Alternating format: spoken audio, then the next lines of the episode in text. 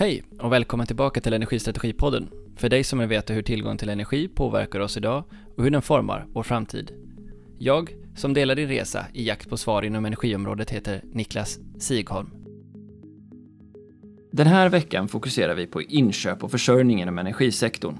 Ett område som har lite olika stor roll hos branschens företag, men som kan ha stor påverkan på kostnader och därmed marginal.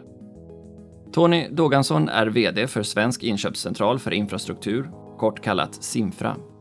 Vi fokuserar på det här idag eftersom kostnadskontroll tros bli en allt viktigare fråga för energibolag att ha förmåga kring.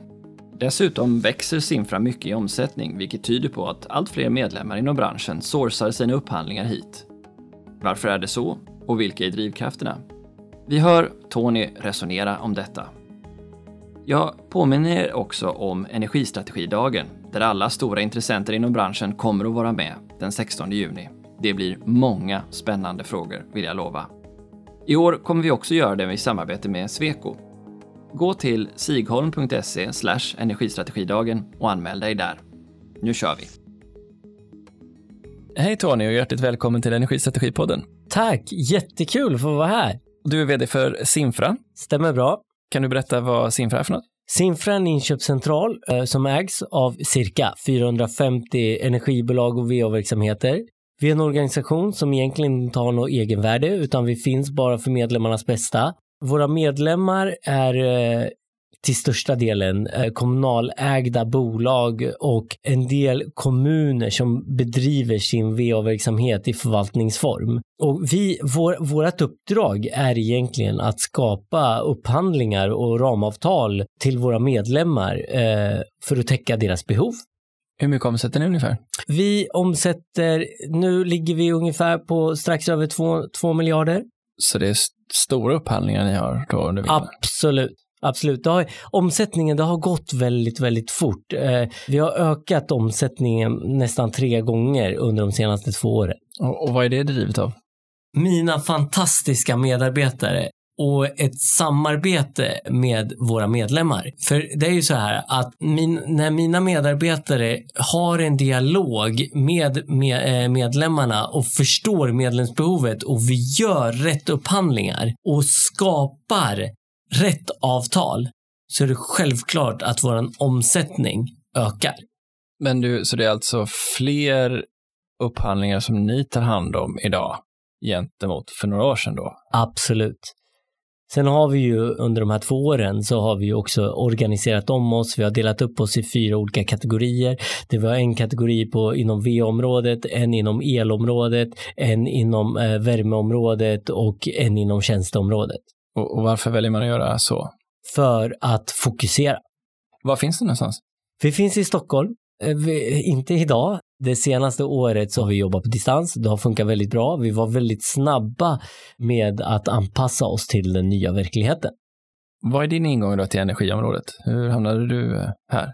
Jag började faktiskt min karriär efter studierna så började jag inom EMS-industrin eh, som på svenska en kontraktstillverkare eh, som tillverkar eh, elektronikprodukter åt andra stora produktägare. Och eh, jag var logistikchef där jag var ansvarig för lager, inköp och planering för tre sajter i tre olika länder, eh, Finland, eh, Estland och Sverige. Och sen när jag hade jobbat i, jag tror det var drygt ungefär sju år, så, eh, så kom det en fråga kring ett jobb som inköpschef. Så här spontant så var det Aldrig, eh, för självklart så vill inte jag jobba inom eh, offentlig upphandling utan eh, jag var ju van vid att jobba inom den här EMS-industrin som oerhört konkurrensutsatt verksamhet där, där det är jättesmå marginaler och där inköp egentligen är ett måste för att ha ett levnadsberättigande till att hoppa in på ett energibolag som jag inte visste någonting om. Vad var det som gjorde att du vågade ta steget? Utmaningen. Framförallt så var det ju så att det, det kändes så spännande att gå in i någonting som är helt annorlunda. Sen visste jag ju också, jag hade ju läst på lite, så att jag visste ju att det var ju lite andra pengar man pratade om. Det var inte att köpa komponenter för, för några ören eh, eller för några hundralappar, utan det handlade om att köpa anläggningar och, och det var stora projekt och så här. Så det var väldigt kul att få hoppa in i den här branschen. Så då kom du från en, en hårt konkurrensutsatt bransch med låga marginaler och mindre kanske inköpsvolymer till en bransch med mycket större volymer av vissa inköp i alla fall. Men vad var det du möttes av? Vad, vad var dina första intryck? Kommer du ihåg det? Ett motstånd var det första jag möttes av. Det var, det var ju lite så här att jag kom ju in på Mälarenergi och fick ju sätta upp en ny organisation, vi, gjorde ju, vi, vi byggde ju upp en ny organisation. Ja, vi kategoriserade organisationen direkt från första steget. För det var ju så jag var van att jobba. Ja, det, var, det fanns ju ett kategoribaserat inköp för mig. Det var liksom ett normalt inköp. Eh, så att, så att vi organiserade om, satte processerna, satte strukturen. Men jag upplevde väldigt mycket motstånd ifrån verksamheterna. Och jag insåg ganska snabbt att jag var tvungen att ha med mig verksamheterna för att kunna bedriva ett inköp överhuvudtaget. Så, så jag, jag jobbade ju väldigt nära verksamheterna tillsammans med mitt team. Så, så var vi väldigt integrerade med verksamheten och, och, och vi insåg, alltså jag försökte ju få mina medarbetare och verksamheten att förstå att det är tillsammans vi kommer skapa resultat.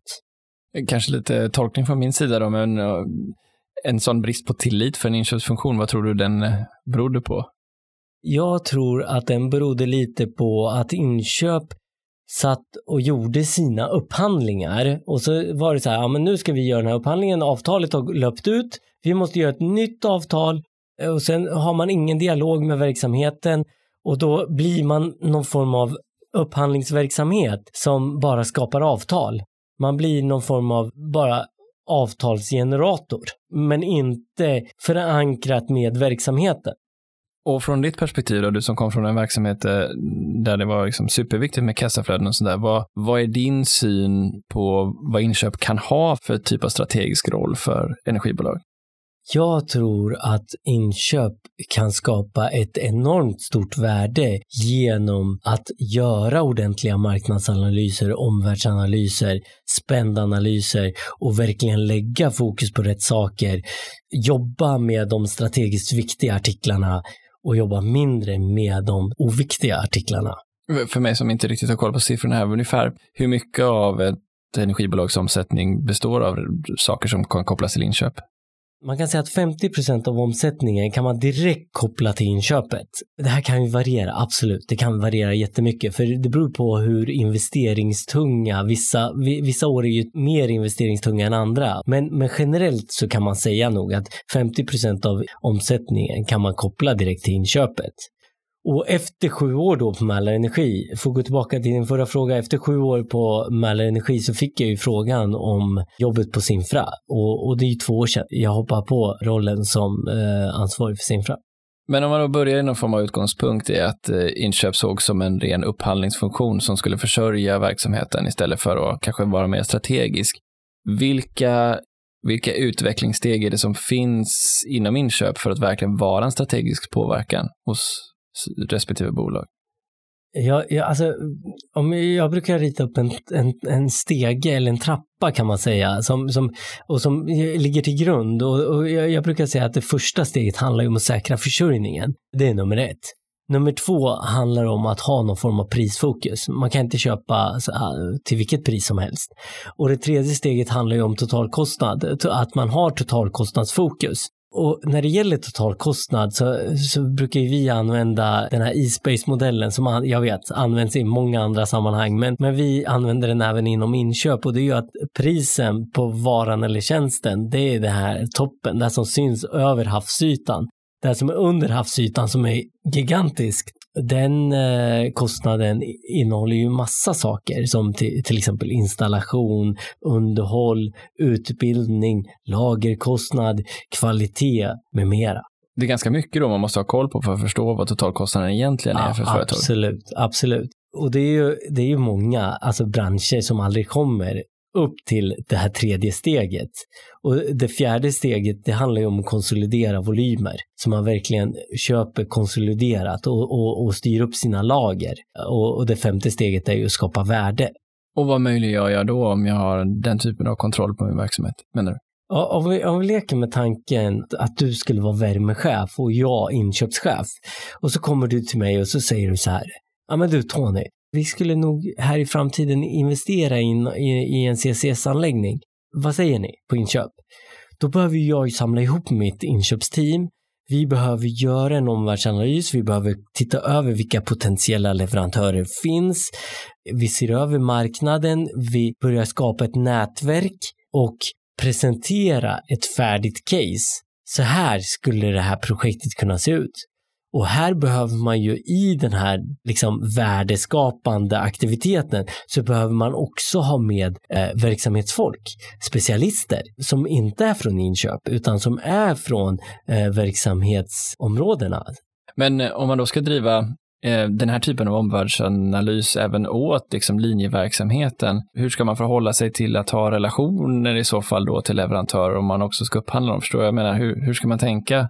Det oerhört viktigt att man bygger relationer med sina avtalsleverantörer. Alltså att, att man inte bara tänker så här, ja men nu har vi ett ramavtal och så jobbar vi med eh, den här leverantören bara i avtalsform, utan det handlar ju om att följa upp regelbundet avtalen, jobba fram en sund och god affärsrelation men det är också viktigt att man bygger relationer med sådana leverantörer som kanske idag inte är leverantör, men som kanske blir det imorgon. Och det här är inte bara för relationsbyggandets skull, utan det handlar ju väldigt mycket om att förstå sin marknad och för att kunna göra sin omvärldsanalys. Det låter som att eh, inköp behöver ligga väldigt nära affären för att klara av att göra den här typen av analyser åt verksamheten. Absolut. Men eh, vad är framgångsfaktorerna för att bygga den typen av tillit mellan linjeverksamheten och inköpsfunktionen då, som du ser det? Du sa att man jobbar nära, men det här handlar ju också, det är som att jag som då i det här exemplet affärsområdeschef för värme kanske vågar lägga det ansvaret hos en inköpsavdelning, att göra den analysen. Det handlar ju om att bygga på olika kompetenser. Inköp har ju sin kompetens. Om vi, om vi tar eh, en optimering analysverksamhet har ju sin kompetens. En projektavdelning har sin kompetens. Eh, och en, en el och instrumentare har ju sin kompetens. Eh, en konstruktionare har ju sin kompetens. Det är ju de här kompetenserna tillsammans, du vet, det är när du kopplar ihop inköp med de här kompetenserna som du skapar det här magiska. Hur långt tycker du då branschen har kommit i detta? Ja du Niklas, tyvärr så har vi inte kommit så långt. Om, om vi säger så här, när jag kom ifrån eh, tillverkningsindustrin till Mälar Energi, då brukade jag alltid säga så här, men vi ligger 20 år efter. Nu kan inte jag säga att det exakt är så, för jag hann ju inte jobba i 20 år innan jag kom till energisektorn. Men om man tittar tillbaka och pratar med gamla industrikollegor som jobbade på ABB och Bombardier under den här tiden, som var lite äldre i gamet, så hade man jobbat eh, category management, som man kallar det här kategoribaserade inköpet. Det arbetssättet hade man ju haft då ganska länge när jag kom in i industrin. Och sen när man kom till, liksom, till energisektorn där man pratade om, ja ah, men det känns väldigt främmande. Vi implementerade ju väldigt fort, det arbetssättet i Mälarenergi och där byggde vi också upp kategoriteam så att varje sån här kategori hade ju kategoriteam med verksamhetsrepresentanter. Så man jobbade ju ihop för att göra hela planeringen och sätta strukturen och processen och man höll hela tiden verksamheten involverad i vad man gjorde. Och det blev en väldigt nära samarbete och ett tätt samarbete. Det handlar ju väldigt mycket om att jag jobbade ju väldigt mycket med att få koncernledningssponsorer in i de här kategoriteamen också. Så att koncernledningen, jag ska inte säga att vi tog dem som gisslan, men, men det handlade ju om att få dem involverade i inköpsarbetet. Och man, man gör ju ett inköpsbokslut varje år liksom. Men jag vet också att många av mina ägare idag pratar om att implementera kategoribaserat inköp idag. Så, och det är av de större eh, medlemsbolagen. Så att det finns en bit kvar, tyvärr. Men att få grepp om det här med totalkostnad då, om jag bara tar vårt eget perspektiv, för vi tillhandahåller ju också vissa tjänster till, till marknaden såklart, så ser vi ju fortfarande en hel del upphandlingar som fokuserar enbart på pris. Eh, och eh, upphandlingar som kan rendera i extremt låga timpriskostnader. Är inte det bra då? Och, eller kan inte det kopplas till tjänsteverksamheten som också är en stor del av upphandlingen? det är ju lite farligt, för då kommer vi tillbaka till det här med totalkostnad. Eh, för det är ju lite farligt att bara ut, utvärdera på pris. För det första så blir det ju en osund affär eh, när, man, när man eh, pressar marknaden kanske lite för hårt. Samtidigt så handlar det om absolut att få en bra totalaffär. Så det är svårt att eh, säga, för ibland så kan det vara så att vi vill ha låga priser.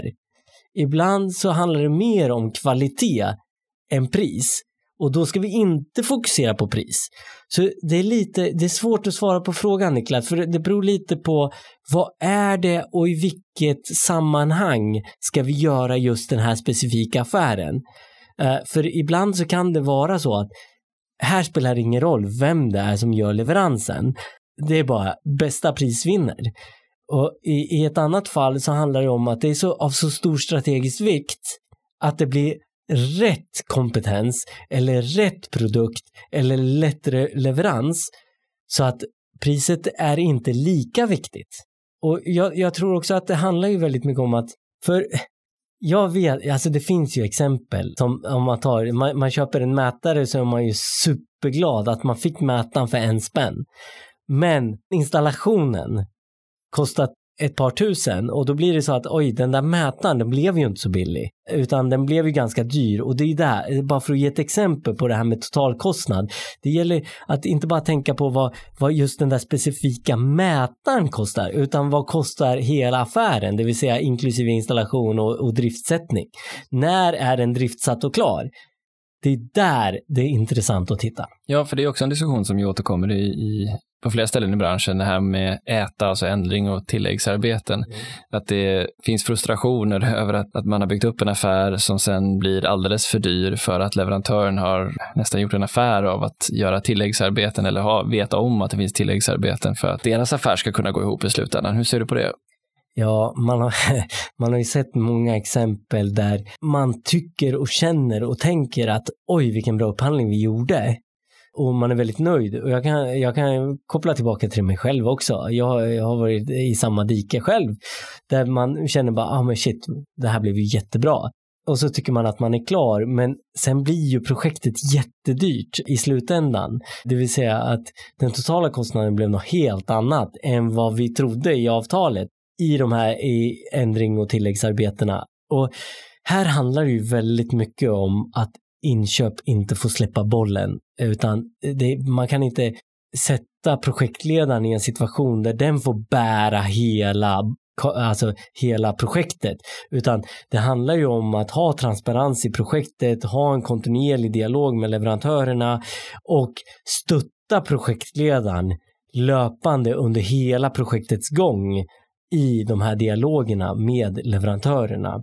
Hur vanligt är det med contract managers eller avtalshanterare som följer med i projektens gång i branschen? Ja, de, det är inte vanligt överhuvudtaget och, och jag tänker ju så här att, att i, i, i de riktigt stora projekten så ska man ju ha riktiga contract managers som bara fokuserar på att följa upp avtalen. Men jag tänker i, om vi tänker våra medlemmar i Sinfra i mer daglig business och inte i de kanske de stora investeringsprojekten så, så tycker jag ju att inköparna, upphandlarna, ska vara contract managers, där man har den här avtalsuppföljningen. Sen tycker jag att den här projektformen med att man skriver ett så här regelrätt eh, avtal, det gamla sättet, det tycker jag är lite passé i den här äh, löpande entreprenadverksamheten. Jag förespråkar ju partneravtal där man tillsammans med leverantören kommer fram till ett målpris och sen så jobbar man tillsammans för att nå det här målpriset. Och vinster och förluster som blir baserat mot det här målpriset, det delar man på mellan leverantör och kund.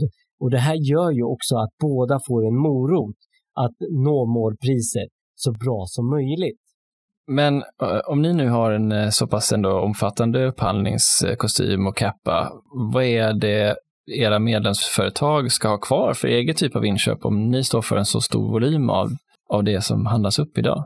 Absolut, vi blir ju större och större tillsammans med medlemmarna och i samarbete med medlemmarna.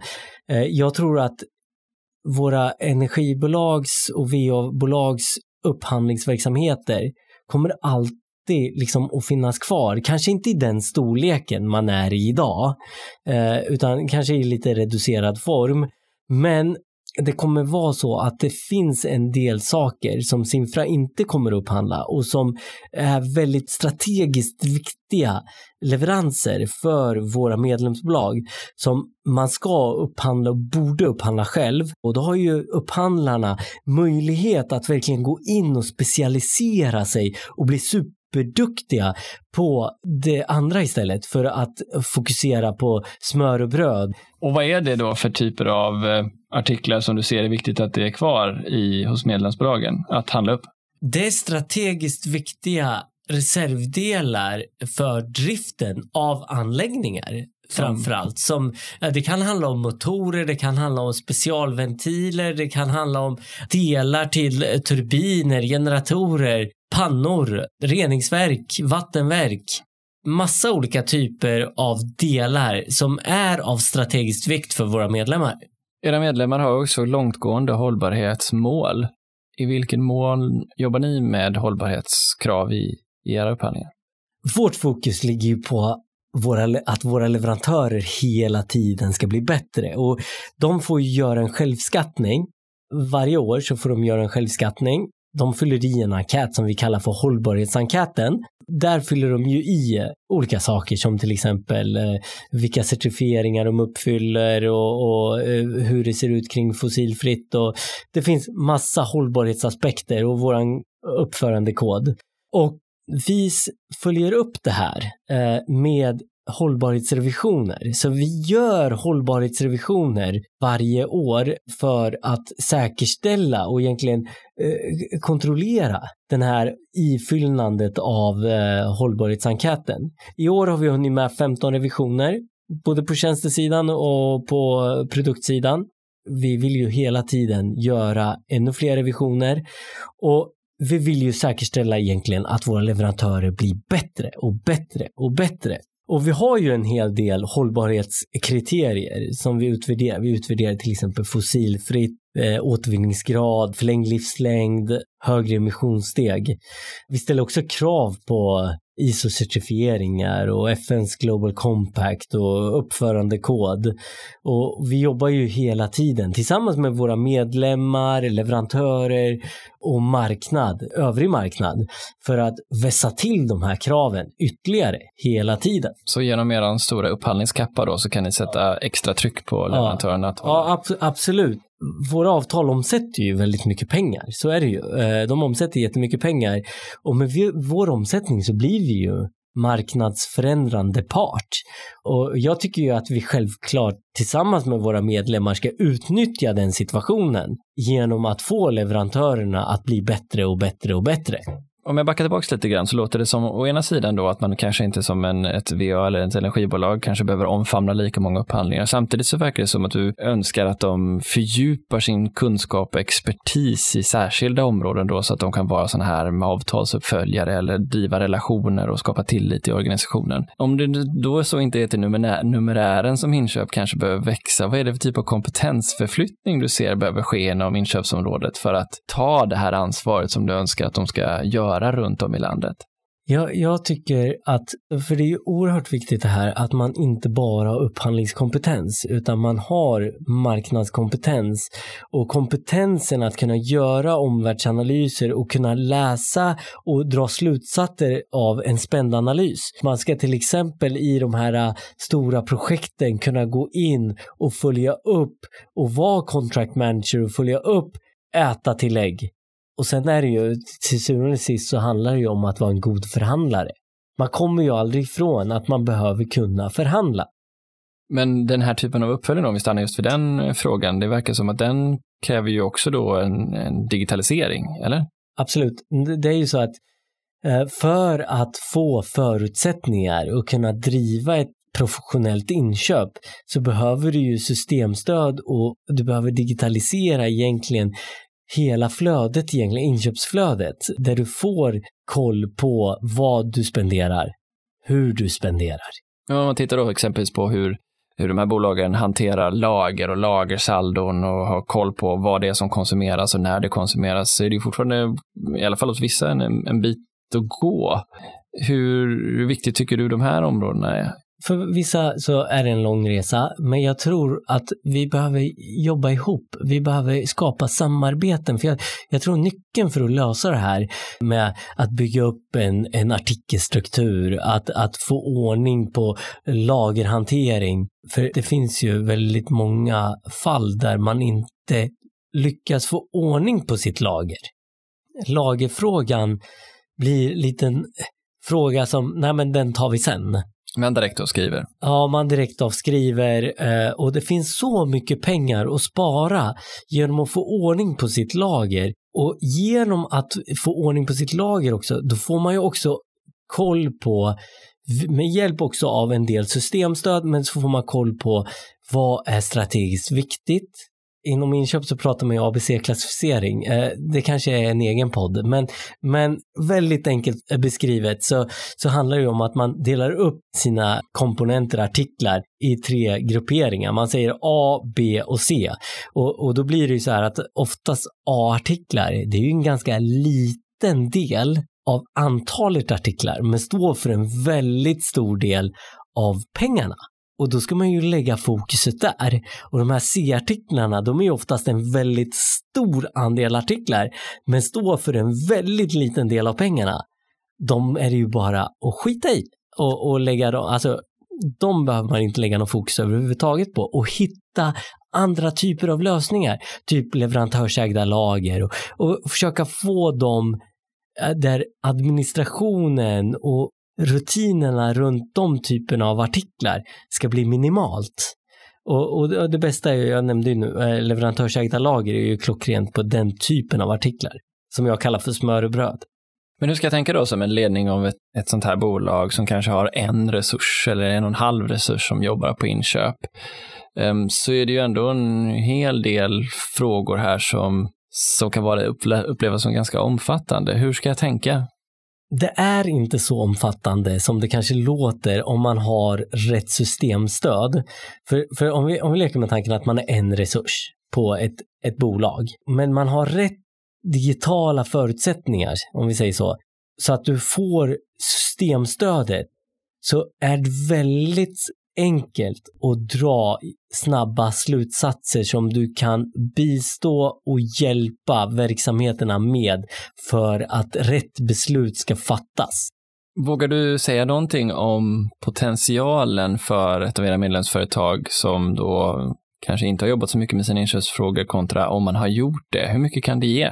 Det är ju en enorm potential. Jag, jag kommer ihåg tiden på Mälarenergi Eh, och de första åren när vi hade väldigt mycket lågt hängande så blev det ju väldigt mycket snabba pengar. Alltså jag tror att utan problem så, så, så kan man nog eh, tänka sig en besparing på, om man säger att man har en spänn på, på 100 miljoner så, så 10 procent, inga problem. Det vill säga 10 miljoner i ett, i ett sånt fall. Men jag tror att man, om man sen har kommit igenom den här mycket lågt hängande så, så är det i alla fall en 3-5 procent om året under överskådlig tid.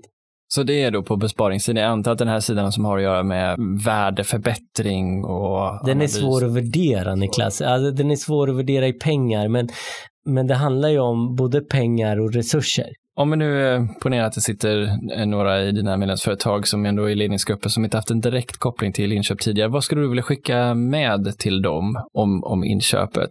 Alltså det jag skulle vilja skicka med till ledningsgrupperna och cheferna där ute är ju att verkligen prioritera och fokusera på inköpsfrågan. Och jag tycker ju också att man ska jobba med lagerfrågan eh, lite så här i bakgrunden, för jag tror att det, där finns det så mycket pengar att hämta. Och det är en sån här fråga som, som oftast blir vi tar inte tag i det där just nu. Men det är så mycket lågt hängande där som skulle vara så lätt att styra upp.